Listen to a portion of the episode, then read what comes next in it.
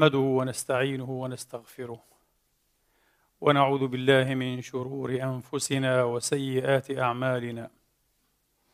من يهده الله فلا مضل له ومن يضلل فلا هادي له.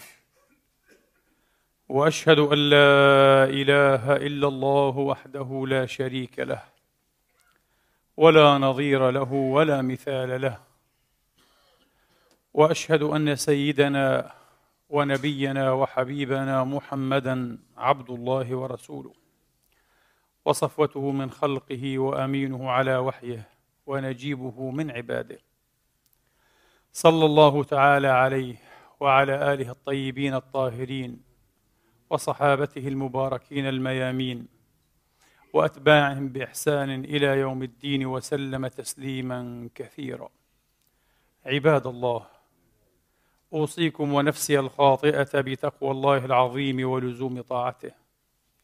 كما أحذركم وأحذر نفسي من عصيانه سبحانه ومخالفة أمره. لقوله جل من قائل من عمل صالحا فلنفسه ومن أساء فعليها وما ربك بظلام للعبيد.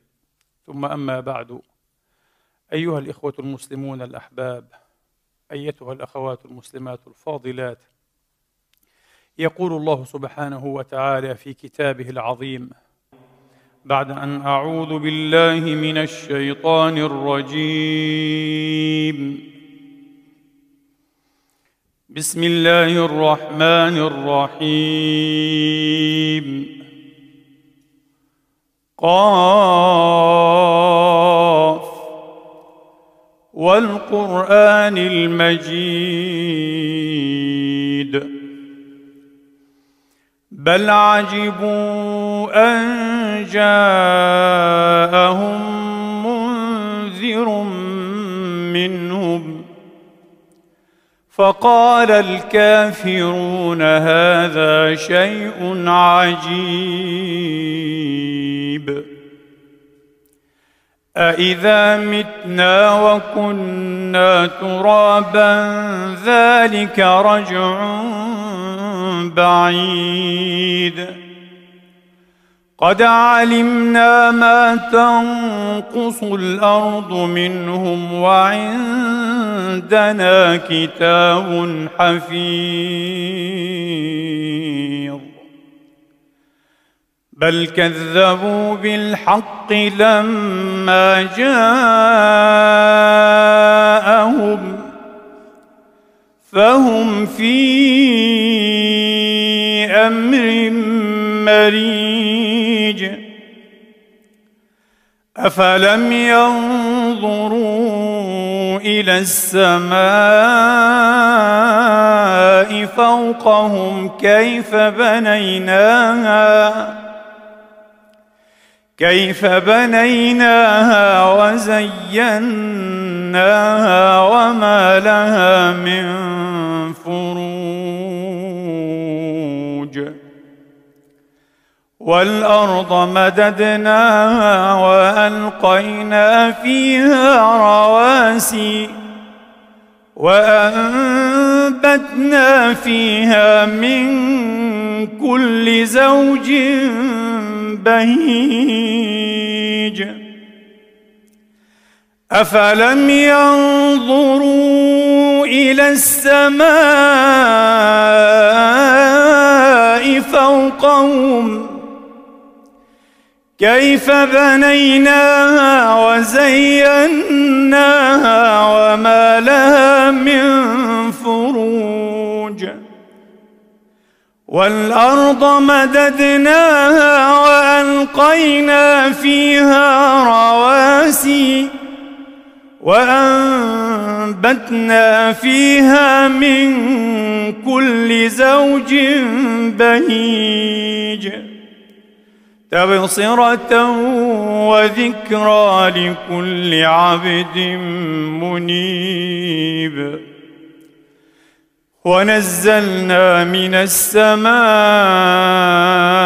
ماء مباركا فأنبتنا به جنات وحب الحصيد. والنخل باسقات لها طلع نضيد. رزقا للعباد وأحيينا به بلدة ميتا. كذلك الخروج.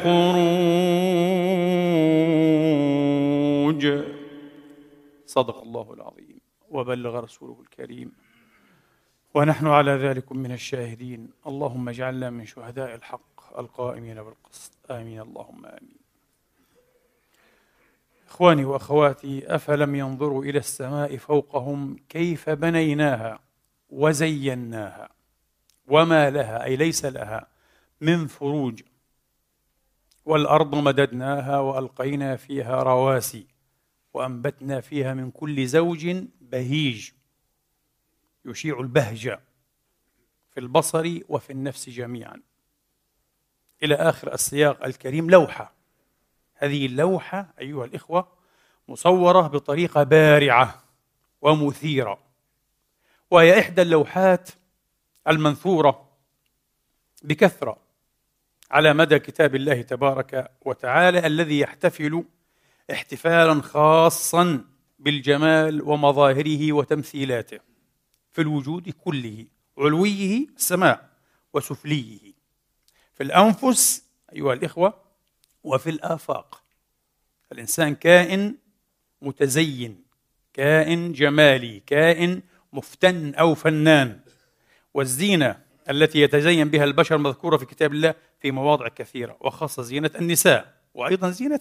الرجال مذكورة خذوا زينتكم عند كل مسجد أي عند كل صلاة عند كل صلاة عند كل موضع سجود لله تبارك وتعالى. أحبتي في الله إخواني وأخواتي البرهان الآيوي كما أشرنا إليه مرات جمة. جوهره ماذا؟ البرهان الآيوي جوهره ماذا؟ جوهره أن الله تبارك وتعالى ليس قوة من قوى العالم. الله ليس قوة كقوة الجاذبية أو القوة الكهرومغناطيسية أو النووية الضعيفة أو القوية. ليس كذلك مستحيل. الله تبارك وتعالى ليس مظهرا من مظاهر الوجود كما يعتقد الوحدويون والحلوليون. الله ليس مظهرا من مظاهر الوجود. وبالتالي المنطقي والمفهوم الآن تاسيسا على هذه المقدمة أنه لا يمكن أن نعثر على الله في العالم. مستحيل. أن تعثر على الله في العالم مستحيل. تبحث عنه لتعثر عليه ثم لتقننه بعد ذلك كما تقنن أي ظاهرة طبيعية أي قوة من قوى الطبيعة مستحيل. لأنه ليس من أجزاء الطبيعة. ليس من تمثيلاتها ليس من مظاهرها ليس من قواها. وليس هو أيضا هذا الأهم مجموع الطبيعة بقواها المختلفة. ليس كذلك. هذا لا يحل شيئا. هذا يورطنا مزيد توريط. مزيد توريط. جميل جدا. ولذلك أيها الإخوة إذا وضح هذا يضح به أن ليس للعلماء اشتغال بهذه المسألة. وأعني بالعلماء العلماء الطبيعيين الكونيين. العالم لا يمكن أن ينبس ينبغي ألا ينبس ببنت شفا عن قضية الله تبارك وتعالى. لأن العالم يشتغل بماذا؟ بالطبيعة. بالعالم الطبيعي بالعالم المادي كل مظاهره المختلفة. أهلا وسهلا وهذا ميدان وسيع. ومندح رحيب للاشتغال العلمي لكنه لن يعثر ولا أمل في أن يعثر يوما على الله في العالم. يتحدث عن كل شيء آخر من أشياء الطبيعة مما يدخل في تخصصه ومهنته ومجاله. نعم لكن لا يمكن أن يتحدث عن الله. هذا صحيح. لكن الوحي الإلهي أفهمنا امرا أبعد من هذا وأعمق من هذا ويتجاوز هذا الموقف. يتجاوز هذا الموقف. أفهمنا أن كل ما في العالم العالم بكل ما فيه إن هو إلا آيات دالات على الله تبارك وتعالى. تمثيلات ومظاهر أيها الإخوة لأسمائه وصفاته لعمل يديه لا إله إلا هو. مما عملت أيدينا. هذا هو. وبالتالي يمكن أن يتوسل بهذه التمثيلات بهذه المظاهر بهذه الآية أو الآيات لماذا؟ توسل بها لمزيد معرفة بالله تبارك وتعالى. لنعرف أولا أنه موجود ثم لمزيد معرفة بعد ذلك. كيف هو؟ بمعنى ما يتعلق بأسمائه وصفاته هل هو حكيم؟ هل هو قدير؟ هل هو متقن؟ لا إله إلا هو. هل هو مقدر للأشياء؟ تقديرا مضبوطا دقيقا بالحق. هذا تعبير إلهي بالحق. كل شيء مضبوط مخلوق بالحق. أم ليس كذلك؟ هذا هو جوهر البرهان الآيوي. وجوهر البرهان الآيوي نسبة إلى الآية أيها الإخوة والأخوات هو الذي أعطى العلم أصلا روحه وإمكانية أن يعمل. أعتقد أنني فصلت بعض تفصيل وأسهبت شيئا من إسهاب في تجلية وتوضيح هذه النقطة أو المسألة في الخطب السابقة. سي أس لويس مرة أخرى نقتبسه من أذكى الكتاب والمفكرين بلا شك في القرن المنصرم يقول بتكثيف وتركيز جميل جدا لقد أصبح البشر علميين يفكرون بالطريقة العلمية. لما أدركوا أن الكون محكوم بقوانين. في قوانين. هذه مسألة ربما عند من نشأ نشأة علمية أو حتى نشأة دينية توحيدية. تنتمي إلى اليدين التوحيدية. مسألة شبه بديهية أي عادي طبعا. الكون ليس مخلوقا هكذا عبثا. ولا يسير نفسه بحكم المصادفة والاتفاق. هو محكوم بقوانين. لا هذه المسألة ليست بديهية وليست واضحة أيها الإخوة. وحين يضح بعضها يغبى ويعمى آخرون عن البعض الآخر. يحدثنا مؤرخ الصين الكبير جوزيف نيدهام أن الصينيين في القرن الثامن عشر أصيبوا بصدمة. كانوا مصدومين. لما بلغهم عبر المبشرين الغربيين أن هناك شيئا تفوقت به أوروبا على سائر العالم وسخرت به ما في البر والبحر والجو وارتفقت الطبيعة وما فيها من كظائم وقوى وفكت الكثير من مغالقها وأسرارها اسمه العلم ساينس ما هو العلم؟ قالوا العلم يقوم على مبدأ أن الكون مسير بقوانين. دقيقة مضبوطة. الصينيون لم يفهموا هذا واستغربوه جدا. ثقافتهم لا تتقبل هذا. غير صحيح قالوا شو قوانين؟ إيش قوانين؟ كون تسيره قوانين؟ مش مفهوم لديهم. انتبهوا. هذه ليست مسألة بديهية. أو تتشارك فيها كل الثقافات غير صحيح. الأديان التوحيدية ساهمت في إرساء هذا المنظور. وهذا ما فصل فيه بطريقة ذكية جدا الفيلسوف والرياضياتي الكبير والعالم الموسوعي ألفرد نورث وايتهيد. قال الأديان التوحيدية ساهمت في تركيز هذا المنظور. هيا اذهب. دونك الكون. اذهب إليه إن أردت أن ترتفقه ادرسه أولا. فك مغاليقه. استخرج كظائمه ثم ارتفقه كيف شئت فهو مسخر لك. الدين يقول هذا. هذا اختصار رهيب أيها الإخوة اختصار رهيب لسعي الإنسان. توصيلة كما يقال في لغة المواصلات توصيلة هذه لكن لها قدرها. بغير هذه التوصيلة ربما كان على الإنسان يتأخر مئات وربما ألوف السنين حتى يدرس الكون بهذا المنطق. نعود إلى لويس. سي إس لويس. يقول لقد أصبح البشر علميين لما أو لأنهم أدركوا أن الكون محكوم بقوانين. وهم لم يدركوا أن الكون محكوم بقوانين مضبوطة إلا بعد أن أدركوا أن هذه القوانين هناك من أوجدها. هناك من قننها. كما أقول ودائما افهموا هذا لابد إخوان أن نقوله مرة وثانية وثالثة ومئة مرة لأن كل الضلال والتضليل الذي يمارسه الملاحدة باسم العلم يتكئ على الإغماض في هذه الناحية. الكون محكوم بالقوانين إذا ما الحاجة إلى الله؟ وهنا يتورط كبار العلماء الملاحدة كما أقول في كل خطبة. هذه مسألة في غاية الأهمية.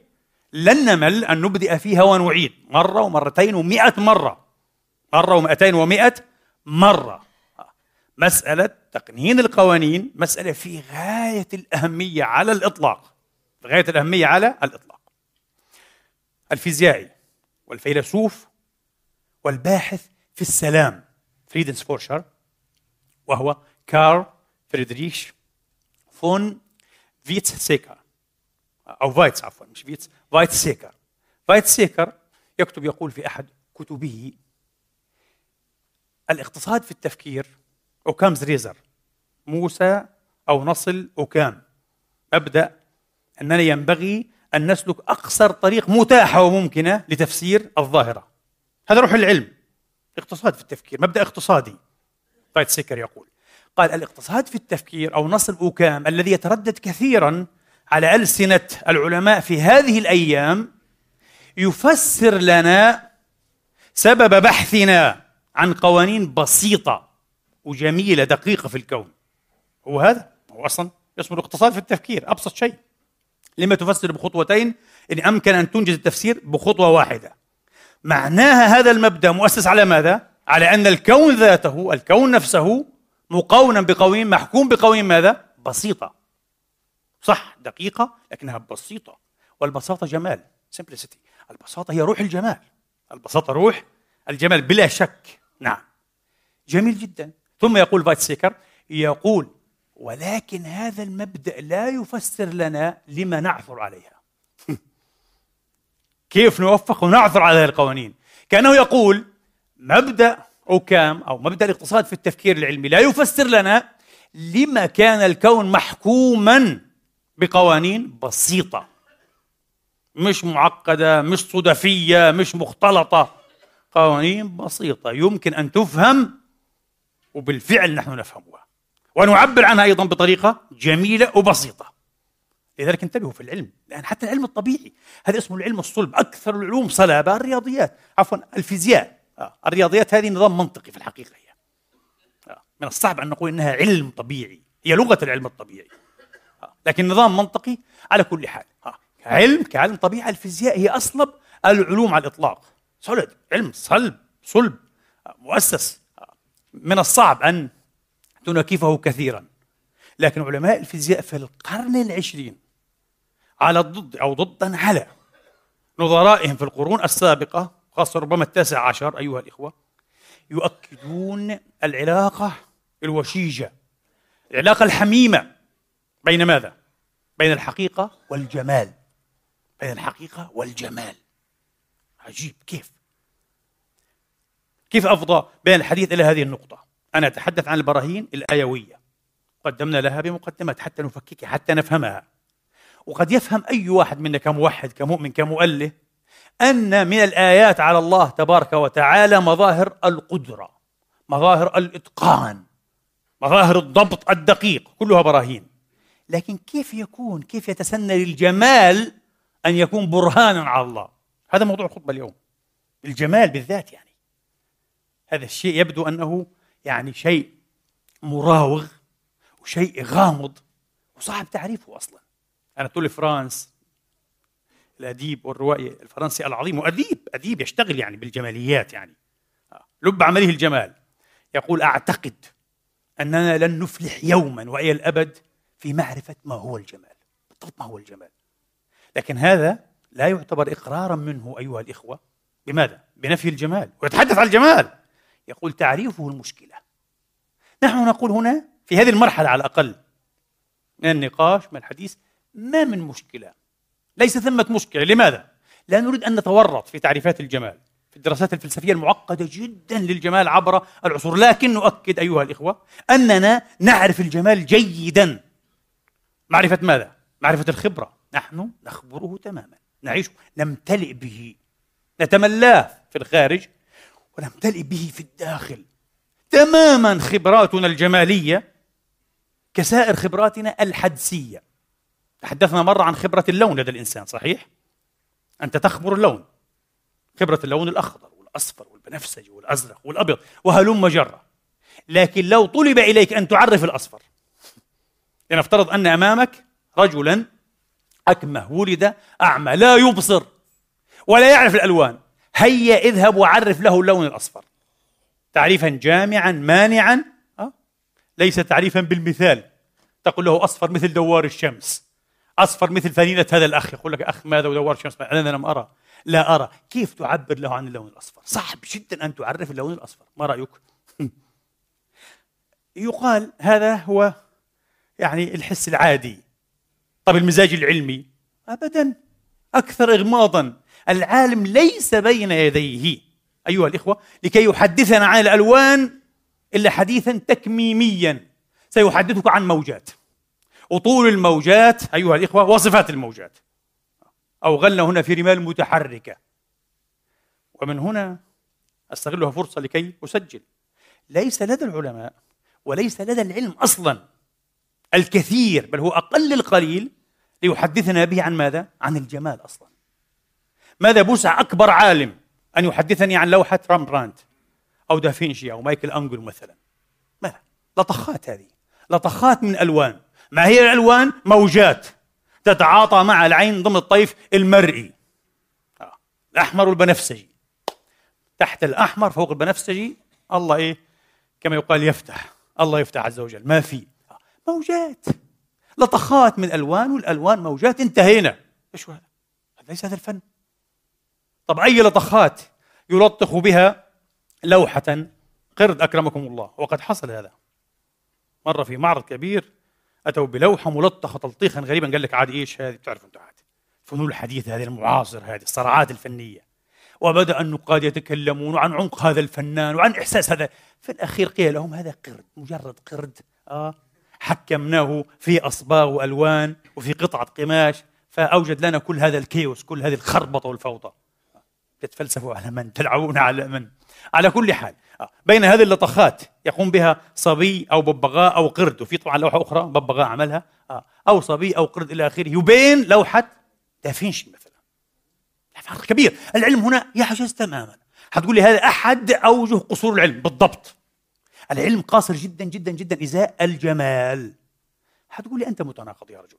قبل قليل تقول لي العلماء علماء الفيزياء علماء الطبيعة تقريبا أدركوا الوشيجة بين الحقيقة والجمال. أوشك أن يماهوا بين الحقيقة والجمال. وعباراتهم كثيرة جدا جدا جدا. لوي دي بروي العرب يسمونه برويلي وفرنسي لوي دي بروي أحد علماء الكم الكبار. مشهور جدا. وطبعا حاز على نوبل. 29 أعتقد.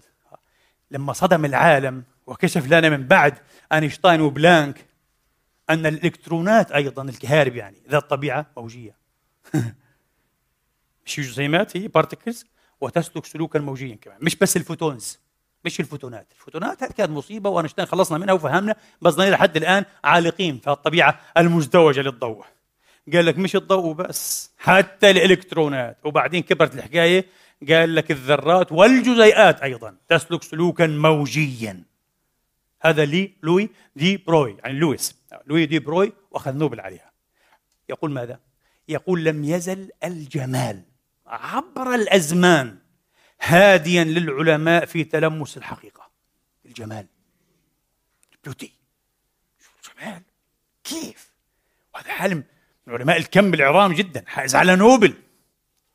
فيرنر هايزنبرغ الألماني وأيضا أحد إيه؟ علماء الكم العظام. وحائز على نوبل أيضا. هايزنبرغ يقول لقد أدركت أن نظرية الكم نظرية صحيحة من فوري لما تتمتع به من جمال. على فكرة اليوم نظرية الأوتار اللي تسمعوا فيها الأوتار الفائقة super string theory super strings theory نظرية الأوتار الفائقة مرفوضة لدى كثيرين من العلماء وبعض كبار العلماء النوبليين يسخرون منها سخرية مرة. كتب أحدهم وهو أيضا حائز على نوبل أكبر علماء الفيزياء المعاصرين حي اليوم أه يقول هذه النظرية مثلها بالضبط. مثل الذي ذهب إلى حائط الرماية حائط الرماية وجعل يرمي. طيب وقع سهم هنا وسهم هنا وسهم هنا. ثم أتى بعد ذلك إلى إيه؟ هذه المواضع وعلم عليها. دورية هنا دائرة هنا دائرة هنا. قال أنا فزت. طريقة معكوسة في التفكير. لكن هذا وجه من أوجه قصور النظرية لكن أكبر وجه جعل كثير من العلماء ينفرون منها. ماذا؟ بشاعتها. ليست نظرية جميلة. الأوتار الفائقة نظرية بشعة معادلاتها بشعة استخلاصاتها بشعة جدا. هذا يجعل العلماء ينفرون. وفي المقابل لما طلع على العالم العالم العلمي المجتمع علمي آه، فاينمان وزميله آه، جيلمان آه موري جيلمان طلعوا في الستينيات على العالم بنظرية تفسر التفاعلات الضعيفة.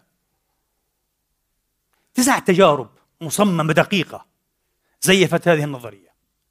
ولكن جيلمان وفاينمان كلاهما أو كليهما عفوا أكد أن النظرية صحيحة. وإن خالفتها كل هذه التجارب ينبغي أن تكون التجارب خاطئة. ليه؟ قال لأنها نظرية متناسقة متماثلة وجميلة. نظرية جميلة والمعادلات جميلة. ينبغي أن تكون صحيحة. فيلسوف والفيزيائي أيضا الألماني آه، فايل. حين وضع نظريته في القياس نظرية رياضية في القياس كان واضحا له كما لغيره أنها تتعارض مع الجاذبية مع الجاذبية لكنه تمسك بها حتى آخر نفس. ولما سئل لماذا تتمسك بها؟ وأنت تدرك هذه المعارضة. قال لأنها جميلة تتصف بالجمال. إذا كانت جميلة لابد أن تكون صحيحة. وبعد زمن هو مات في 55 الرجل. وبعد زمن ثبت أن حدسه كان في محله. وهذه النظرية بتاعت فايل ساهمت مساهمة كبيرة في علم الديناميكا الكمية الكهربائية. لأنه قال جميلة. بما أنها جميلة انتهى. شرودنجر النمساوي إرفين شرودنجر علق على نسبية أينشتاين طبعا في الجاذبية بالذات قال ما كان لهذه النظرية أن يحرز شرف وضعها واكتشافها إلا عبقري كبير يدرك ما في الوجود من جمال وتماثل. نظرية جميلة. جميلة جدا. نسبية على فكرة أجمل النظريات على الإطلاق. نسبية معروف. أجمل نظرية علمية على الإطلاق. تقريبا شبه إجماع من العلماء. وأجمل من الكم طبعا. هكذا كلمات هؤلاء العلماء الطبيعيين كثيرة جدا. ستقول لي أنت متناقض. ها هم علماء الطبيعة الكبار في القرن العشرين. أشهر العلماء وأكبرهم على الإطلاق. نوبليون تقريبا كلهم يؤكدون أن للعلم صلة وأن له تواصلا مع الجمال. طيب ما معنى هذا؟ العلماء بشر يعيشون الجمال عندهم خبرة الجمال. وإذا كان العلماء يفعلون هذا لا يعني هذا بأي حال من الأحوال أن ثمة أسسا علمية للجمال. مستحيل أبدا. ثمة مظاهر جمالية للعمل العلمي. حتى أوضح هذا أيضا سأهتبر الفرصة وأقتبس ألبرت أينشتاين بطريقة ممتازة أيها الإخوة. بصدد المسألة هذه ضمن ثالوث آخر. 1930 في ألمانيا يقابل جيمس سوليفان أو جون سوليفان ورجل آخر ميرفي ألبرت أينشتاين في شقته. أعتقد في برلين. يسألانه مسائل تتعلق بالدين. علاقة الدين والله والأديان بالعلم. آه، كان لقاء جميلا جدا جدا حين تقرأه. ثم يسأل سوليفان سؤالا ويقول العالم الكبير يرد عليه. يقول له نعم إن إحساسنا الجمالي مسألة الجمال وأحكامنا الأخلاقية هذه المسألة الثانية الجمال والأخلاق. شوف أينشتاين ذكي جدا هذا وعالم. هنا كأنه فيلسوف يتكشف عن فيلسوف عميق ومكثف المسائل وغرائزنا الدينية. إذا كم مسألة؟ ثلاث مسائل. الدين والجمال والأخلاق. كل هذه مسائل غير علمية. والعلم قاصر إزاءها وعاجز تماما ولا عنده شيء يعمله. أبدا. قال هذه الثلاث تعتبر وسائل مساعدة تبلغنا أبعد الغايات. وتعيننا على إنجاز أعظم المنجزات. عجيب. اشتغل هذا في العلم؟ الإحساس الجمالي الغريزة الدينية الأحكام الأخلاقية. صحيح يقول ما قلت يخاطب سوليفان صحيح ما قلت أن هناك جانبا أخلاقيا في العمل العلمي في النشاط العلمي أكيد. صدق العالم نزاهته. أشياء مثل هذه بلا شك حبه للحقيقة وطموحه للفهم. كل هذه جوانب أخلاقية أهلا وسهلا. صحيح. ولكن ولكنك لا يمكن أن تعكس المسألة لتقول إن هناك أسسا علمية للمسألة الأخلاقية. ثم قال العالم الكبير شوف واحد فيلسوف هذا فاهم. مش مثل الملاحدة الجدد يتورطون في غباوات منطقية من أبشع ما يكون. أينشتاين هذا؟ أينشتاين مش أي كلام. مش بروفيسور في بيولوجي شو بروفيسور. هذا عالم. كبير علم حقيقي عبقري أحد الذين غيروا المسار البشري. قال مكثفا كل محاولة لاختزال الأخلاق في صيغ علمية حتما ستفشل. must fail قال يجب أن تفشل. ستفشل لأنه هذا ليس إيه؟ من مباحث العلم. الأخلاق والجمال والدين هذه مسألة مختلفة تماما. مثل هذه المسألة يا إخواني تماما واحفظوا هذه الطريقة في المحاجة. يقول لك إيه الأخلاق والإلحاد؟ طب هاي ملحد. أحسن من أحسن شيخ من هؤلاء القتل مش عارف إيه. طبيعي جدا. هاي طبعا. ممكن تلاقي ألوف الملاحدة خلوقين جدا. يعني عادي تلاقي ملحد وهو خلوق ومتدين وغير خلوق غير متخلق. موجود هذا.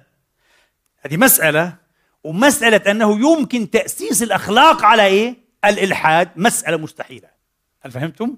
شيء مختلف تماما. يعني هناك ملحدون أخلاقيون. ولكن ليس هناك ماذا؟ إلحاد أخلاقي. يستحيل.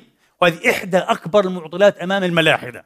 أن يؤسسوا الأخلاق على الإلحاد. لذلك على فكرة هم الآن بدأوا يتهافتون ويصرحون لأنهم كشفوا منطقيا. من خلال النقاشات والمناظرات في التلفاز وكذا. فبعضهم صار لا يتردد أن يقول نعم إيه عادي. زنا المحارم؟ عادي. إذا وقع بالتراضي ما في مشكلة. والعياذ بالله. أن يواقع على إيه؟ الأب ابنه. أو ابنته أو الأم ابنها. قال بالتراضي ما في مشكلة. أه إيش هذا؟ هذا أخلاق الإلحاد انتبهوا. هذا أخلاق الإلحاد. طيب زنا الحيوانات والعياذ بالله. العلاقة الجسم مع الحيوانات. ستينجر هذا. صاحب الله الفرضية الفاشلة. كتاب يعادي به الله. قال عادي آه. ولو ترون اذهبوا إلى اليوتيوب شوفوا لو ترون ردة فعل كل من كان معه على المنصة. نساء ورجالا. شيء مقرف. شيء مقرف ماذا تقول أنت؟ قال عادي إيش المشكلة؟ إذا هذا يحدث إمتاعا عادي. هذا. ولذلك على فكرة الملاحدة اليوم أساتذة والله يا إخواني لا أتجنى عليه أساتذة في تحقير الإنسان. لازم أعمل خطبة أسميها إيه؟ الإلحاد هو تحقير الإنسان. وعلى فكرة هم يفهمونك دائما وبفهم الملآن أنك لا شيء أنت حشرة في الكون أنت صفر. انتهى العهد الذي ترى نفسك فيه صورة من الله وأنك سيد الكون وسيد الوجود وخليفة الله. يسخرون هذا الكلام. انتهى أنت كوم التراب عفن يقولون. محلولات غروية حدث لها تطور. لا شيء أنت. في أصلك حيوان في جوهرك حيوان. يحقرون الإنسان. ما في أي قدر أيها الإخوة قدر من إرادة أن نتسامى أو الوعد بالتسامي. بالعكس وعد بالانحطاط الحقيقي. وعلى فكرة وإرهابيون. منهم يعني. من هم يعني هذا سام هاريس هذا سام هيرس هذا. مشهور تأثر به بعض الشباب العربي. هذا الرجل آه يقول ليس لدي مانع أن يباد المسلمون بالقنبلة الذرية. تفضل. وهذا مفكر وحالا في الأعصاب وملحد إنساني. يريد أن يبيد ثلث البشرية. وهذا الجاهل ولابد أن أقول بالفم لأنه أكيد جاهل حتما جاهل. لا يمكن أنا أتكئ أو, أو أقتبس سام هاريس هذا في أي شيء يتعلق بالإسلام أو تاريخ الإسلام. في حين أقتبس باحترام مؤرخين عظاما أوروبيين غربيين بعضهم أعظم مؤرخين مسلمين. أنصفوا الحضارة الإسلامية وأنصفوا إسهام المسلمين وقالوا بالفم الملآن مرة أخرى والضرس القاطع لولا الإسلام والمسلمون ما كنا هنا. مستحيل. نحن نتكئ ونستند إلى إرث عظيم هو إرث الحضارة الإسلامية. هؤلاء أحترمهم مؤرخون. يعلمون ماذا يقولون. قرأوا عشرات آلاف إن لم يكن مئات آلاف الصحائف في تاريخ الحضارة الإسلامية. لكن هذا الجهول الحقود أيها الإخوة حقد غريب جدا على الإسلام وأهله ما عنده مانع أن يبيد المسلمين بالقنبلة الذرية. ثم يتحدثون عن الإلحاد ويا ويح شبابنا حين يقتبسون هؤلاء ويجلون هؤلاء يجعلون يتخذون هؤلاء مرجعيات لهم. ألا فافرح بهذه المرجعية؟ هنيئا لك بهذه المرجعية. بئس للظالمين بدلا بئس للظالمين بدلا على الأقل ما راحش يقتبس إيه؟ بعض الغربيين اللي عندهم إنسانية حقيقية وفكر عميق وفلسفة عميقة. سنرى بعض وجوهها بعيدة قليل. بعض وجوهها بعيدة قليل. نطول دائما بالتفريعات. نعود إلى محور الحديث. كيف يمكن أن يتخذ الجمال دليلا على الله تبارك وتعالى؟ مسألة كما قلنا صعبة في بادئ النظر. ليه؟ لأن الجمال رواغ. طيب سنتملص ونتفصل من هذا الإشكال فقط بالاكتفاء في هذه المرحلة بأننا نخبر الجمال. نعرف نعيش هذا. هو الذي يجعلنا نبكي أحيانا. تقشعر أبدادنا. نشعر بالتسامي والرقي. حين نسمع قطعة موسيقية نرى لوحة فنية أو منظرا طبيعيا. ننظر إلى الطبيعة نفسها. الجمال في كل مكان أيها الإخوة. الجمال في كل مكان.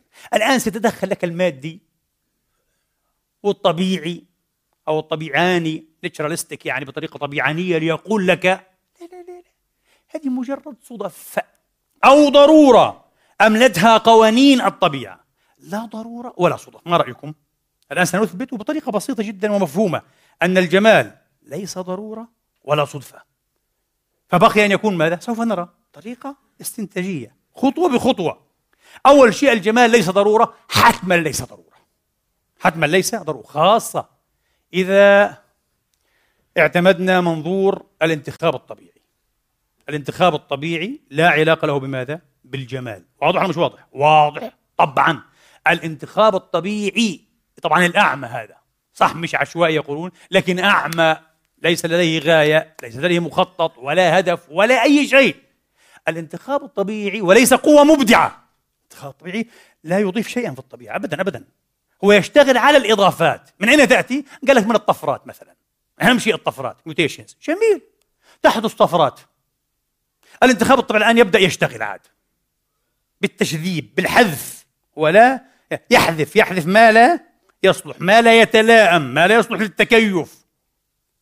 ويستبقي ما يصلح. ويستبقي ما يصلح. لكنه هو لا يضيف. هذا بيسموه يعني إيه؟ مسألة تشذيب. حذف ما لا يلزم. Weeding out process. Weeding weeding out. تجذيب احذف أي شيء ما بيلزمش زبالة انفيها. weeding out process.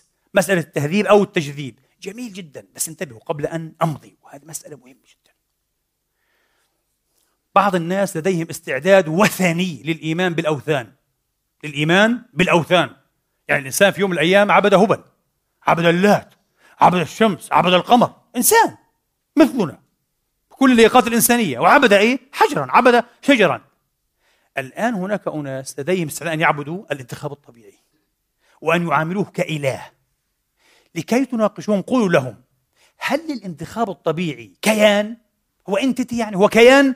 هل هناك في الخارج شيء اسمه انتخاب طبيعي؟ أقول لك لا ما في, ما في شيء. ما في شيء في الخارج خارج أدمغتنا خارج أذهاننا خارج اللغة الإنسانية العلمية هنا. هذا السياق ما في شيء اسمه انتخاب طبيعي. جميل جدا. إذا ما الذي يحدث؟ يقول لك هذا مجرد اسم على عملية تحدث في الطبيعة. تقع طفرة هذه الطفرة مثلا يزداد بها الكائن الحيوان الغزال الأيل أي شيء مثلا ساقا جديدة تصير إيه؟ بخمسة خمسة سيقان. واضح؟ الآن هذه الساق الجديدة إما أن تحفزه مزيد حفز على الحركة تعطيه قوة يصبح أسرع وهذا مستبعد جدا جدا أيها الإخوة. فالانتخاب يبقيها. لماذا؟ لأنه سيفوز في الريس في السباق الطبيعة في سباق البقاء. للأصلح الأكثر تكيفا. سيفوز. وتموت إيه أصناف أعجز أو عفوا أفراد أعجز. وإما أن يكون العكس. تثقله وتعوقه وتبهضه. فما الذي يحصل؟ يفنى. قال لك هذه العملية اللي بتصير زي هيك بنسميها إحنا انتخاب طبيعي. ها؟ يعني ما في كيان. أنت موجود اسمه انتخاب طبيعي. لكي يعبده من دون الله. لا ما في. بس السؤال انتبهوا. هذه العملية اللي بتصير في الطبيعة يا ريت الآن تركزوا معي. انتبهوا هذا الكلام مش إيش ماذا أقول يا إخواني؟ إنما يخشى الله من عباده العلماء. يعني عشان تطمئنوا أنكم أن لا تهدرون أوقاتكم ومش قاعدين نتفلسف. مسألة مهمة جدا. ها؟ الله يقول لك يمكن لإنسان أمي لا يفك الخط أن يستدل عليه بطريقته. ويمكن لعالم كبير أو فيلسوف أيضا أن يستدل عليه. أيهما أقرب إلى الله؟ لا الثاني طبعا. الثاني. لماذا؟ لأن الثاني هذا لا يأتي بأشياء من لدنه. هو لا يخلق أشياء. هو فقط يحاول أن يستخدم هذه الجوهرة التي وهبها الله عز وجل له لكي ماذا؟ لكي يفك رسائل الله. في رسائل. الكون ملغوم بالرسائل. هو مجموعة رسائل يا أخواني. كله رسائل. بس انتبه.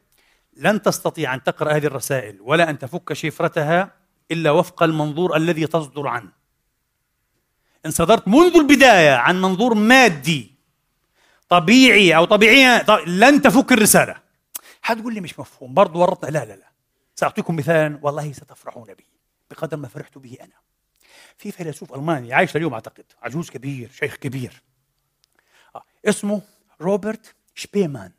روبرت شبيمان فيلسوف مشهور جدا هو كاثوليكي أكبر فيلسوف كاثوليكي الآن في ألمانيا ويقال في العالم كله شبيمان آه.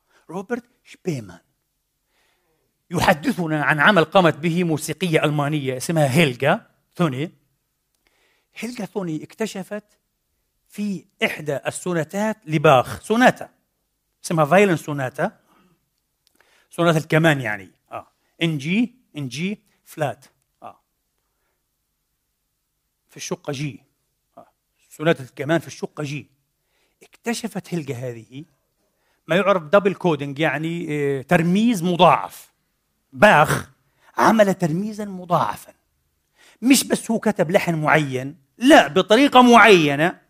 إذا أبدلنا آه الأرقام بالحروف عوضنا الأرقام بالحروف ستخرج لك رسالة أخرى. غير الموسيقى. موسيقى موجودة. وهي بإجماع الموسيقيين المختصين موسيقى رائعة. مثل سائر موسيقى باخ. هذه الموسيقى في السوناتة هذه رائعة جدا. لكن في رسالة مخفية هيلج اكتشفتها لأول مرة في التاريخ. أودعها باخ ومضى الرجل إلى سبيله. لأول مرة تكتشفها. وحين عوضت عن الأرقام بالحروف أه؟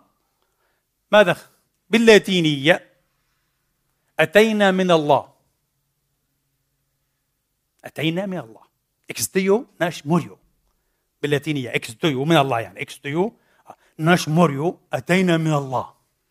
ونموت في المسيح. In Christo أه mori morimur ونموت في المسيح. وبالروح القدس نبعث من جديد. رسالة رسالة دينية طبعا. أودعها باخ. طيب ماذا نستفيد من هذا؟ انتبهوا هنا طريقة عظيمة جدا ورائعة. لشبيمان قال شبيمان يمكنك أن تدرس الطبيعة. أن تصف ما يقع في الطبيعة من تطور من ترق من عمليات حيوية بمصطلحات مادية بحت. نتشرستك يعني تيرمز يمكن أن تفعل هذا ما عندي أي مشكلة. وأن تصف ما يحدث وتقبله. ولكن حين تواجه إنسانا جميلا حيوانا جميلا زهرة جميلة وردة جميلة منظرا طبيعيا جميلا هنا يأتي التكست النص. لن تستطيع أن تقرأ هذا النص إلا بشفرة جديدة أنت الشفرة هذا مش عندك أنت استخدمت شفرة ماذا؟ طبيعية طبيعانية إيه؟ فهمت؟ ماذا يحدث؟ تماما مثل ما فهم دارون والملاحدة ها؟ كيف يعمل الانتخاب الطبيعي واضح؟ الآن أنا وصلت إلى نقطتي بس انتبه لا داروين ولا الملاحدة ولا كل هؤلاء ها؟ فهموا أيها الإخوة الجواب أو حاولوا أن يناجزوا السؤال الكبير. لما تفعل الطبيعة ما تفعل. ليش يعني يكون منتجات عمل الانتخاب الطبيعي مش كائنات فقط صالحة أن تعيش بل أيضا جميلة. كائنات فيها جمال عجيب جمال أخاذ. فهمتوا علي؟ جمال أخاذ. طبعا يمكن أن تضرب مليون مثل لمظاهر هذا الجمال. من أبرزها الصوت الإنساني. اليوم من أغنى الناس على وجه البسيطة المغنون المغنيات الفنانون. مئات الملايين. لماذا؟ لأن البشر مستهمون بهذا الجمال الإنساني الذي تبرزه الحنجرة جهاز التصويت عند الإنسان. تشارلز داروين نفسه بنزاهة علمية في أصل الأنواع قال قال ما من مناص أن تصنف القدرة التصويتية الموسيقية عند الإنسان ضمن أكثر الملكات غموضا. أنا ما أقول لك إني فاهمها مش فاهمها. ليش؟ لأنه قال في بداية الفقرة قال ما من شك أن استمتاع الإنسان بالنغم وقدرته على توليد هذا النغم تستمتع فيه حين تسمعه؟ وبتقدر كل صوت بشري جميل يعني بس في ناس أجمل عندهم اصوات جميله جدا جدا. في في بعض البشر صوته أجمل من صوت الآلة. شيء مش معقول. طيب قال تستمتع وتولد أن هذا لا يعود بالإنسان لا يعود على الإنسان عفوا بأدنى فائدة في حياته اليومية المعتادة. مالوش علاقة بمسألة ماذا؟ السرفايفل البقاء النجاة الامت... مالوش علاقة. مسألة مختلفة تماما لما كانت. على فكرة مش جهاز التصويت كمان والأذن. أنت عندك جزء في الأذن آه مكون من ماذا؟ من أقواس. تعرفون كم قوس هي تحديدا يعني؟ سواء أربعة آلاف قوس. معمولة بطريقة دقيقة ومعقدة جدا جدا جدا أربعة آلاف قوس دقيق منحني في أذنك لماذا؟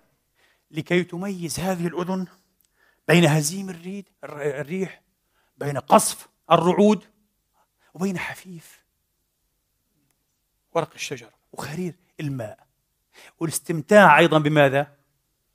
بالموسيقى والأصوات الحسنة والنغمات كم يعجبني المصريون أنا دائما أقول الإخوة المصريون عندهم أذن موسيقية عجيبة. حين أستمع إليهم وهم يستمعون إلى فنان أو فنانة مثل السيدة كوكب الشرق مثلا.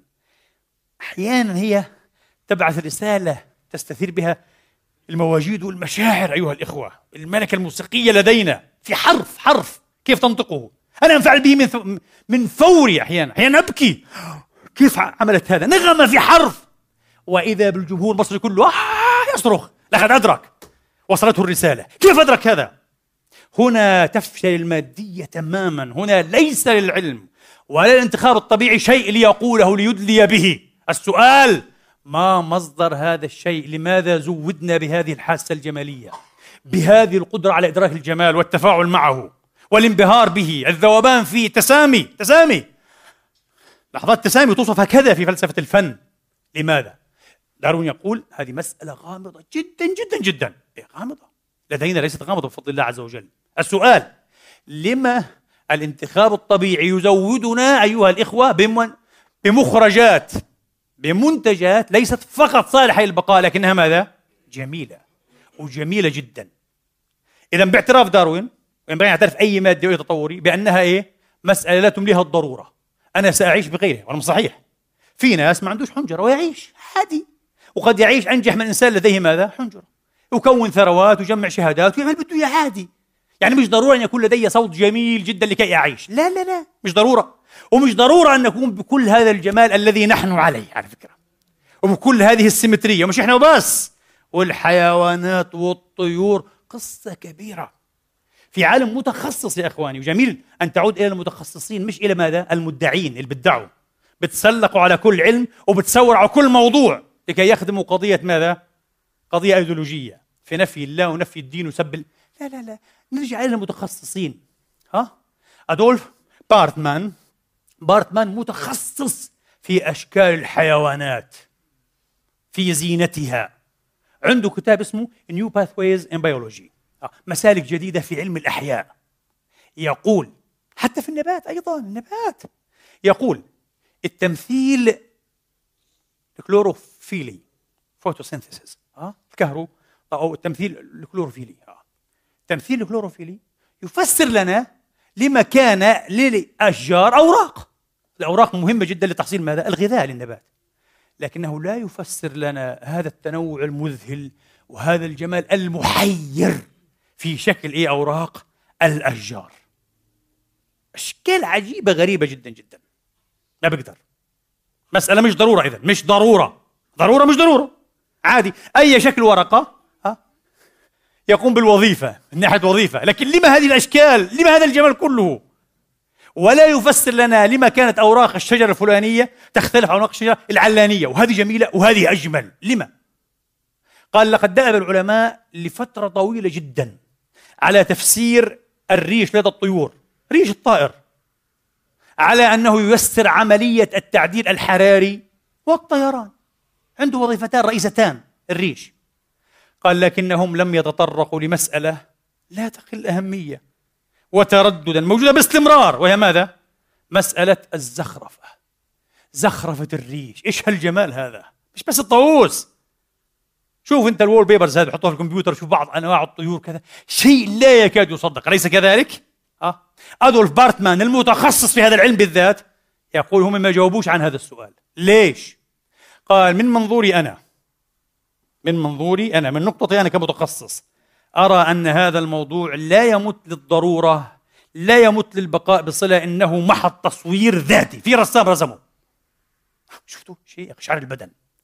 الآن سأعطيكم تحفة. إن شاء الله ستدعون لي بسببها. والله ينفعكم كما انتفعت بها. شيء يا إخواني والله سنضع الرابط تحت أيضا. لأن كل كلامي هذا بالعكس سيفسد عليكم متعتكم. بهذه التحفة. واسمها تحفة وسماها تحفة فنية. أحد كبار علماء الأحياء المعمرين. آه الأحياء الملاحدة. اللي هو سير ديفيد أتنبرا. سير ديفيد أتنبرا. وسوف ترون هذه التحفة أنتم يا إخواني. آه في مقطع من حلقة للسير ديفيد أتنبرا. اسمها إيه؟ Japanese puffer fish masterpiece التحفة الفنية للسمكة البخاخ أو سمكة البخاخ آه اليابانية. إيش قصة البفر فيش هذه؟ وتحفتها. طبعا ستدخلون على الرابط إن شاء الله. أنتم اكتب هذا سوف ترى هذا. بعد الصلاة الآن افعلوا هذا شيء يبكي والله العظيم. ممكن تقعد نص ساعة تبكي من خشية الله. اللي حصل في 2013 يا إخواني باختصار إنه في مصور كائنات مائية ياباني مشهور أعتقد له أكثر من 30 سنة في هذه المهنة. فوجئ مرة وهو يغوص في الأعماق على بعد 80 قدما أو على عمق 80 قدما فوجئ بلوحة فنية مخيفة في جمالها مذهلة سوف كما سوف ترونها. بإيش مرسومة هذه؟ بأي أصباغ؟ بالرمال. دوائر متداخلة في الرمال شكل هي بروزات مختلفة النتوء لكن محكومة بماذا؟ بالسيمترية أيضا بالتناظر بالتماثل شيء لا يكاد يصدق الرجل فوجئ أصابته صدمة لأول مرة يرى هذا الشيء وأدرك أنه ما من أحد رأى هذا من قبل ما هذا؟ هو ظن طبعا ربما استخبارات عالمية يغزون إيه؟ المياه اليابانية فعلوا هذا الشيء هذا تحفة فنية عجيبة خرج من فوره مباشرة وأتى بفريق زملاء له علماء ومختصون وأيضا بفريق تلفزيوني من قناة من قناة يابانية يقدمون برنامج علمي برنامج علمي اسمه الطبيعة برنامج الطبيعة. وغاصوا فعلا لكي يروا هذه الدوائر الغامضة والجميلة جدا كما سوف ترونها بعد قليل على محمولاتكم. نصبوا هناك كاميرات المراقبة ثم غادروا وعادوا بعد حين ليفاجئوا بالفاعل من أي استخبارات من أي دولة. سمكة البخاخ بافر فيش الصغيرة التي لا يزيد طولها عن بضع بوصات. هكذا. كيف تفعل هذا؟ كيف تنجز هذا؟ شيء لا يكاد يصدق. تنجز هذا عندها أدوات tools ال fins its fins زعانفها. في بعض التقارير سمعت أنا بالإنجليزية زعنفة واحدة. هي تتكئ على زعنفة واحدة. بزعنفة واحدة آه. طبعا قطر هذه الدائرة أيها الإخوة تقريبا متران. مساحة كبيرة. متران لوحة فنية. لو كنت مكانكم يعني المهم لكن حتى لا نلغو في صلاتنا. متران. وتشتغل 24 ساعة على 24 ساعة في الأسبوع. ومش هيك بس سوف ترونه. آه، في مقطع سير ديفيد اتنبرا وفي مقاطع غيره. آه، كيف تنظف الحيز؟ أي وساخة اي شيء تاخذه آه، ترميه. ولا تكتفي بكل هذه التحفة. masterpiece حقيقية تحفة فنية رائعة جدا. بل تأتي ببعض الأصداف وتكسرها وتزين بها بعض إيه؟ الحواف والمناطق. إيش هالأرتست هذا؟ إيش الفنان الرهيب هذا؟ لا إله إلا الله. هذه العلاقة بالبقاء؟ هذا ضروري البقاء يعني؟ ويكتشف بعد ذلك أنها تفعل هذا لكي تجذب إيش الإناث. لتضع إيه؟ سعيدة الحظ بيوضها في مركز هذه الدائرة. لكن ليه مكان يقول لك إيه أنت عندنا متأخر جدا يعني جيت متأخر كثير يبدو أنك أنت متأخر في قراءاتك ودراساتك ليه؟ طب ما داروين تكلم في مئات الصفحات يعني تقريبا ثلثاء كتابه عن تحضر الإنسان أيها الإخوة كان على الانتقاء الجنسي نعرف هذا وذكرناه في محاضراتنا. لا لا لا لا. دارون لم يقل بهذا الصدد شيئا يا إخواني. إيش يعني؟ كيف لم يقل شيئا؟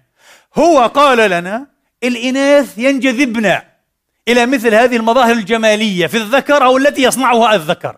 السؤال هو لم يجب لماذا يفعلن؟ لماذا تفعل الأنثى هذا مع أن هذا يعرضهم لماذا؟ لمهلكة للهلاك.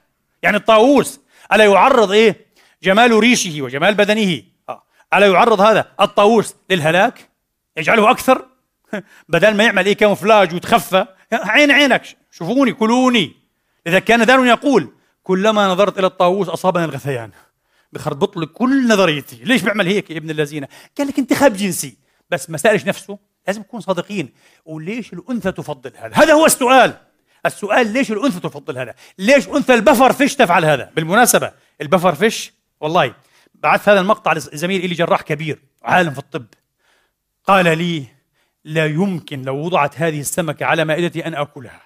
لا يمكن. قلت له وأنا معك مستحيل. هذه هي حين تفعل هذا ويتفق لك أن ترى هذا كأن تقول لك مثلي مثلك. كلنا عبيده لا إله إلا هو الواحد. وندل عليه. أنا أدل عليه. أؤدي وظيفتي وأقوم وأدل عليه بطريقة معينة. ربما ليست واعية بها. الذي أعطى كل شيء خلقه ثم هدى. قدر فهدى لا إله إلا هو. آه. لكن هو يعلم. الله عز وجل أنك ستأتي وترى هذا. لأنه أخبرك أنه سخر لك كل ما في السماوات وما في الأرض ويعلم أنك في يوم من الأيام سوف تكتشف هذا هل تفك الرسالة؟ هل قرأت الترميز المضاعف أم لم تقرأ؟ بالكود الإلهي ستقرأ الرسالة بالكود الطبيعي لن تقرأ الرسالة لن تفهم ستنتحر مرة أخرى الآن مش بس عقليا وذوقيا إيش رأيكم؟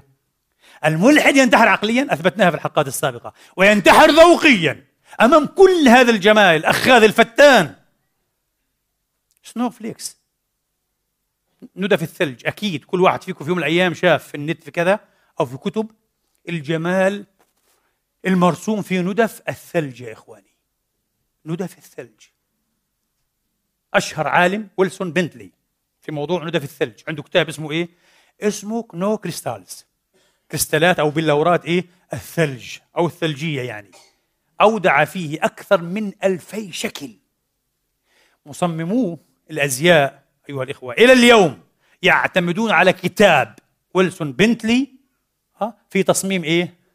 تحفهم وأعمالهم الفنية كتب أحد كبار العلماء الذي قدم لكتاب بنتلي يقول نعم يفعلون هذا ويستمدونه من ذخائر معرض الطبيعة الدائم للفنون التوشيعية عشان تفهم كيف يحدث هذا التوشيع ها شوف بعض أشكال بنتلي.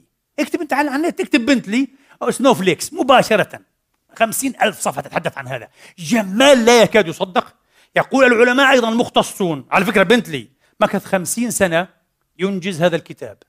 عشان يخليك تطلع على ألفين مشهد إلهي جميل. خمسين سنة من عمره. فجزاه الله خيرا. أيا كان هذا الرجل. واضح؟ فما تضيعش الفرصة هذه.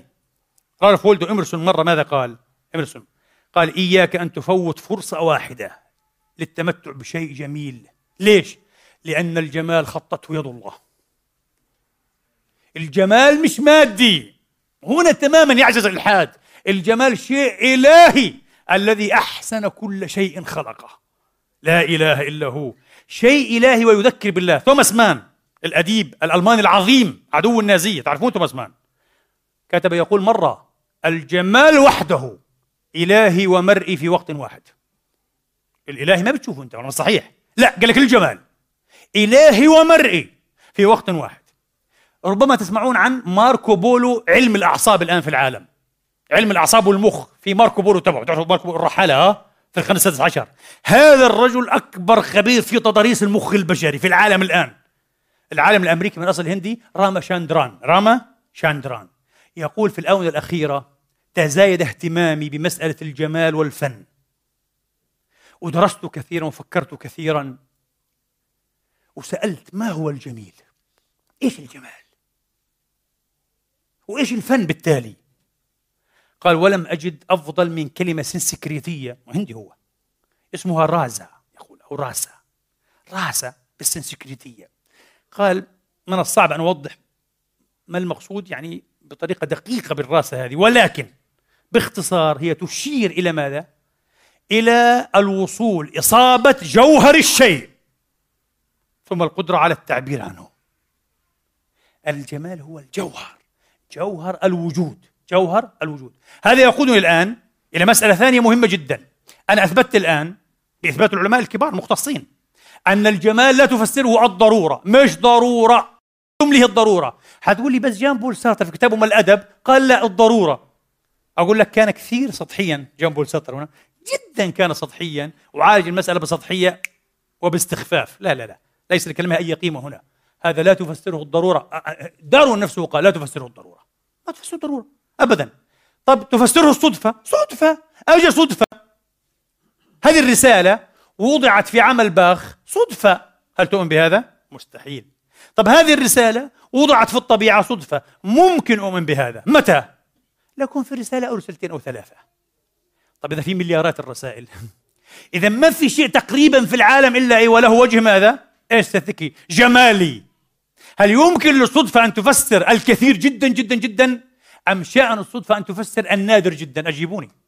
هنا المنطق يشتغل. ريزن العقل. إذا أردت أن تفسر بالصدفة فسر ماذا؟ الشيء النادر. ظاهرة هي زي البفر فيش هذه وخلاص كل شيء قبيح وغليظ وخشن. في العالم آه. وما فيش فيه السيمتري والهرموني. إيه عادي صدفة. بس إذا كل شيء تقريبا ماذا؟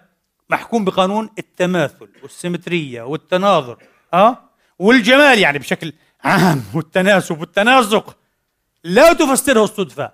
حتقول لك إذا ما الذي يفسره؟ وبدك تحرجنا أنت هيك إحنا ملاحدة إحنا كفار إحنا ماديين علميين علمويين. إيش بيفسروا أنا بقول لك. القلم. أنت يمكن أن تكتب رسالتك رسالتك أنت الخاصة عاد بيك. اللي ترفض طبعا أن تنسب إلى الصدفة يعني خاصة إذا كانت قصيدة شعر ولا مقالة فلسفية. يستحيل.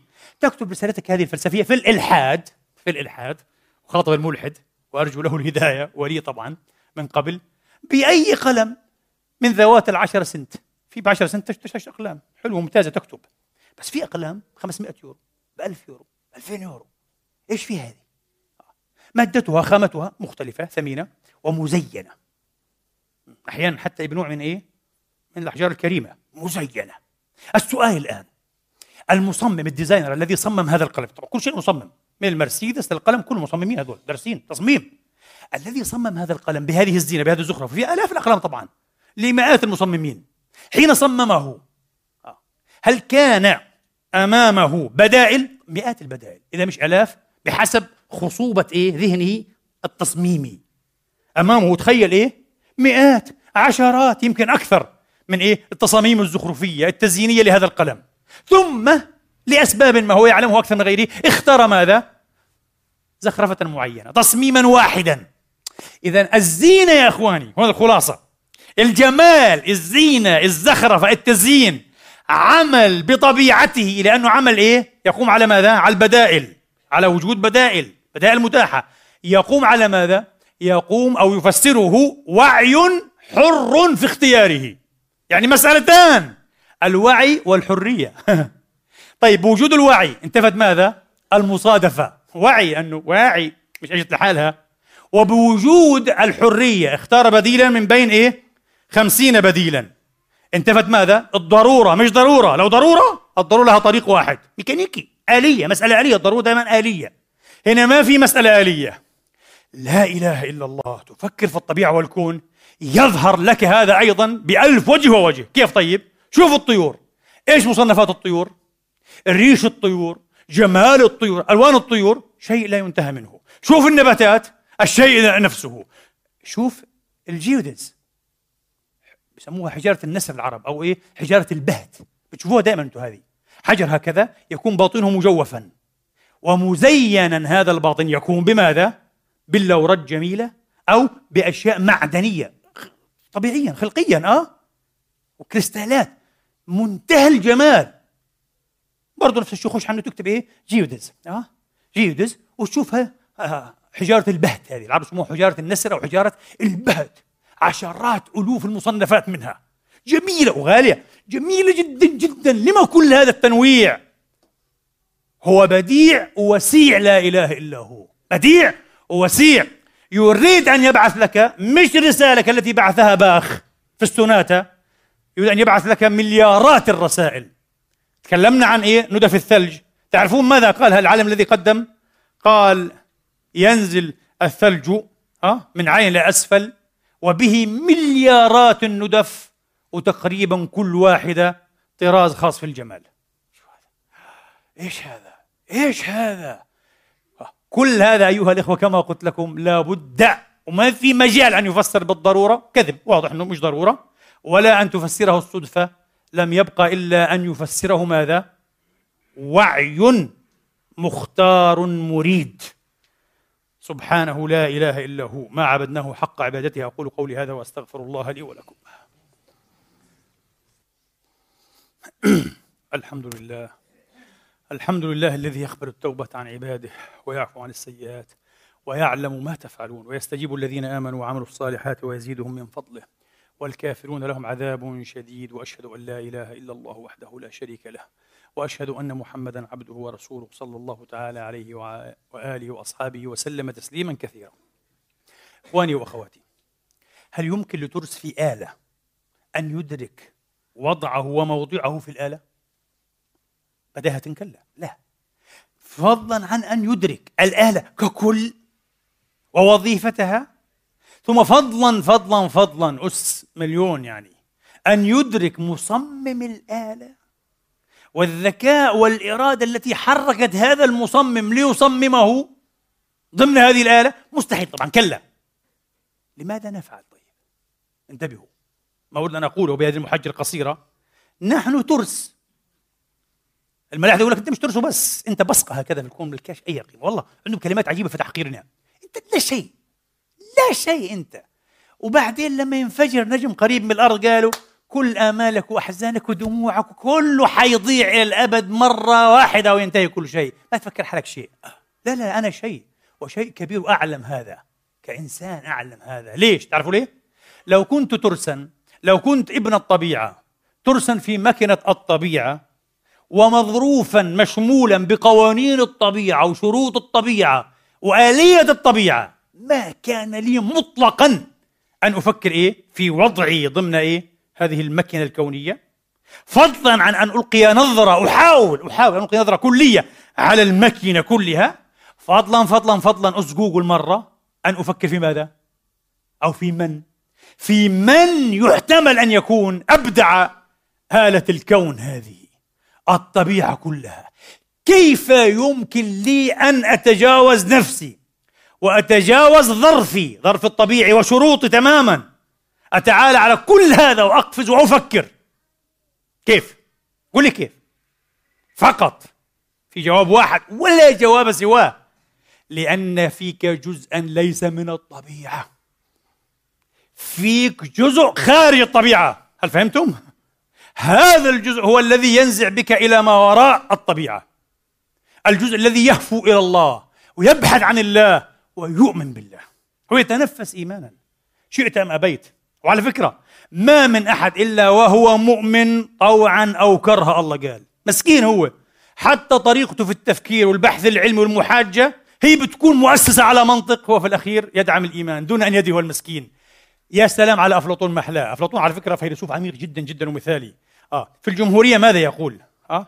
يقول وحده من يملك نظرة كلية يدعى فيلسوفا. اللي بيقدر يشوف المشهد كله. تعرف إيش مسألة هؤلاء المحتارين المتشككين اللا أدريين والملاحدة يا حرام؟ مشكلتهم أنهم يضيعون في التفاصيل ويعجزون. عن ماذا؟ عن الارتقاء لكي يلقوا نظرة كلية على المشهد. صدقني. يمكن أن تقرأ عشرة آلاف صفحة عن الانتخاب الطبيعي وماذا يفعل وماذا طبعا ولا واحد قال يبدع. ما يبدع ولا يبدع. ماذا يفعل؟ ماذا يهذب؟ ماذا يشذب؟ أه؟ وأيضا لن تفهم الرسالة. فقط حين يستثيرك سؤال عنيد ومهم جدا أهم من كل ما قرأت يقول لك لما كان الأمر على هذا النحو؟ لما يعمل الانتخاب الطبيعي بحيث يستبقي الأجمل أيضا؟ والأجمل ليس مسألة ضرورة ولا يمكن أن يكون مسألة صدفه كما أثبتنا لأنه موجود في كل مكان. ديفيد بوم أحد كبار علماء ميكانيكا الكم الذي له تفسير خاص غير مدرسة كوبنهاجن له مدرسة خاصة في تفسير إيه؟ الظواهر الكمية. ديفيد بوم يقول آه وصدق. قال أينما التفتنا أو تلفتنا وجدنا الجمال في العالم. كثير جدا جدا. الطبيعة زاخرة. ما من شيء إلا له وجه جمالي. ما رأيكم؟ ما من شيء إلا له وجه جمالي كما قال آه إليوت. جميل جدا. يقول ديفيد بوم يدرك بادئ النظر أو بعد تحليل الفكر. ممكن في شيء ما تشوفوش جميل بس لما تفكر بعمق تقول في جمال برضه. الجمال في كل مكان. الجمال في كل مكان. إلهي ومرئي معا كما قال إيه؟ من فلا تفوت فرصة أن تستدلوا به على من خطه ورسمه لا إله إلا هو. نحن نقدر على أن ندرك هذه المسائل الأحكام الأخلاقية والمسائل الجمالية والروح الدينية بفضل النفخة الإلهية ونفخت فيه من روحي التي نفخت فينا. طبعا السمكة هذه البفرفش نعم تعمل عملا جميلا جدا جدا جدا. آه. هل تدرك هي مدى الفنية في هذا العمل مدى دلالة هذا العمل؟ لا ندري. والأرجح أنها لا تفعل. طبعا في طيور كثيرة تفعل أشياء مشابهة وإن كانت أقل روعة. نحن ندرك ثم نتجاوز هذا إلى تقليد هذه الصنعة الإلهية ومن هنا كنا فنانين. الفنون السمعية والبصرية والتشكيلية وفنون الرقص. فنون نحاول إيه؟ أن نقلد هذه الصنائع الإلهية. نذوب فيها. بفضل أيضا ونفخت فيه من روحي. اللهم علمنا ما ينفعنا وانفعنا بما علمتنا وزدنا علما وفقها ورشدا. اهدنا واهد بنا وأصلحنا وأصلح بنا. اللهم إنا نسألك في هذه الساعة المباركة من هذا اليوم الأزهر المبارك من هذا البيت من بيوتك ألا تدع لنا ذنبا إلا غفرته ولا هما إلا فرجته ولا كربا إلا نفسته ولا ميتا إلا رحمته ولا مريضا إلا شفيته ولا غائبا إلا رددته ولا أسيرا إلا أطلقته ولا محصورا إلا فككت حصاره يا رب العالمين وأنعمت عليه بالعافية والمعافاة. اللهم آمين. اللهم انصر عبادك المظلومين. المحصورين المقذوفين من السماء والأرض بنصرك القريب يا رب العالمين. يا من لا يعجزه شيء. اللهم عليك بالظالمين اللهم عليك بالجبارين اللهم عليك بالمعتدين ومن والاهم ومن ساندهم ومن كان معهم. أحصهم عددا ودمرهم بددا ولا تبق منهم أحدا. إلهنا ومولانا رب العالمين. عباد الله إن الله يأمر بالعدل والإحسان وإيتاء ذي القربى وينهى عن الفحشاء والمنكر والبغي يعظكم لعلكم تذكرون. اذكروا الله العظيم يذكركم. واشكروه على نعمه يزدكم. وسلوه من أفضاله يعطكم. وقوموا إلى صلاتكم يرحمني ويرحمكم الله.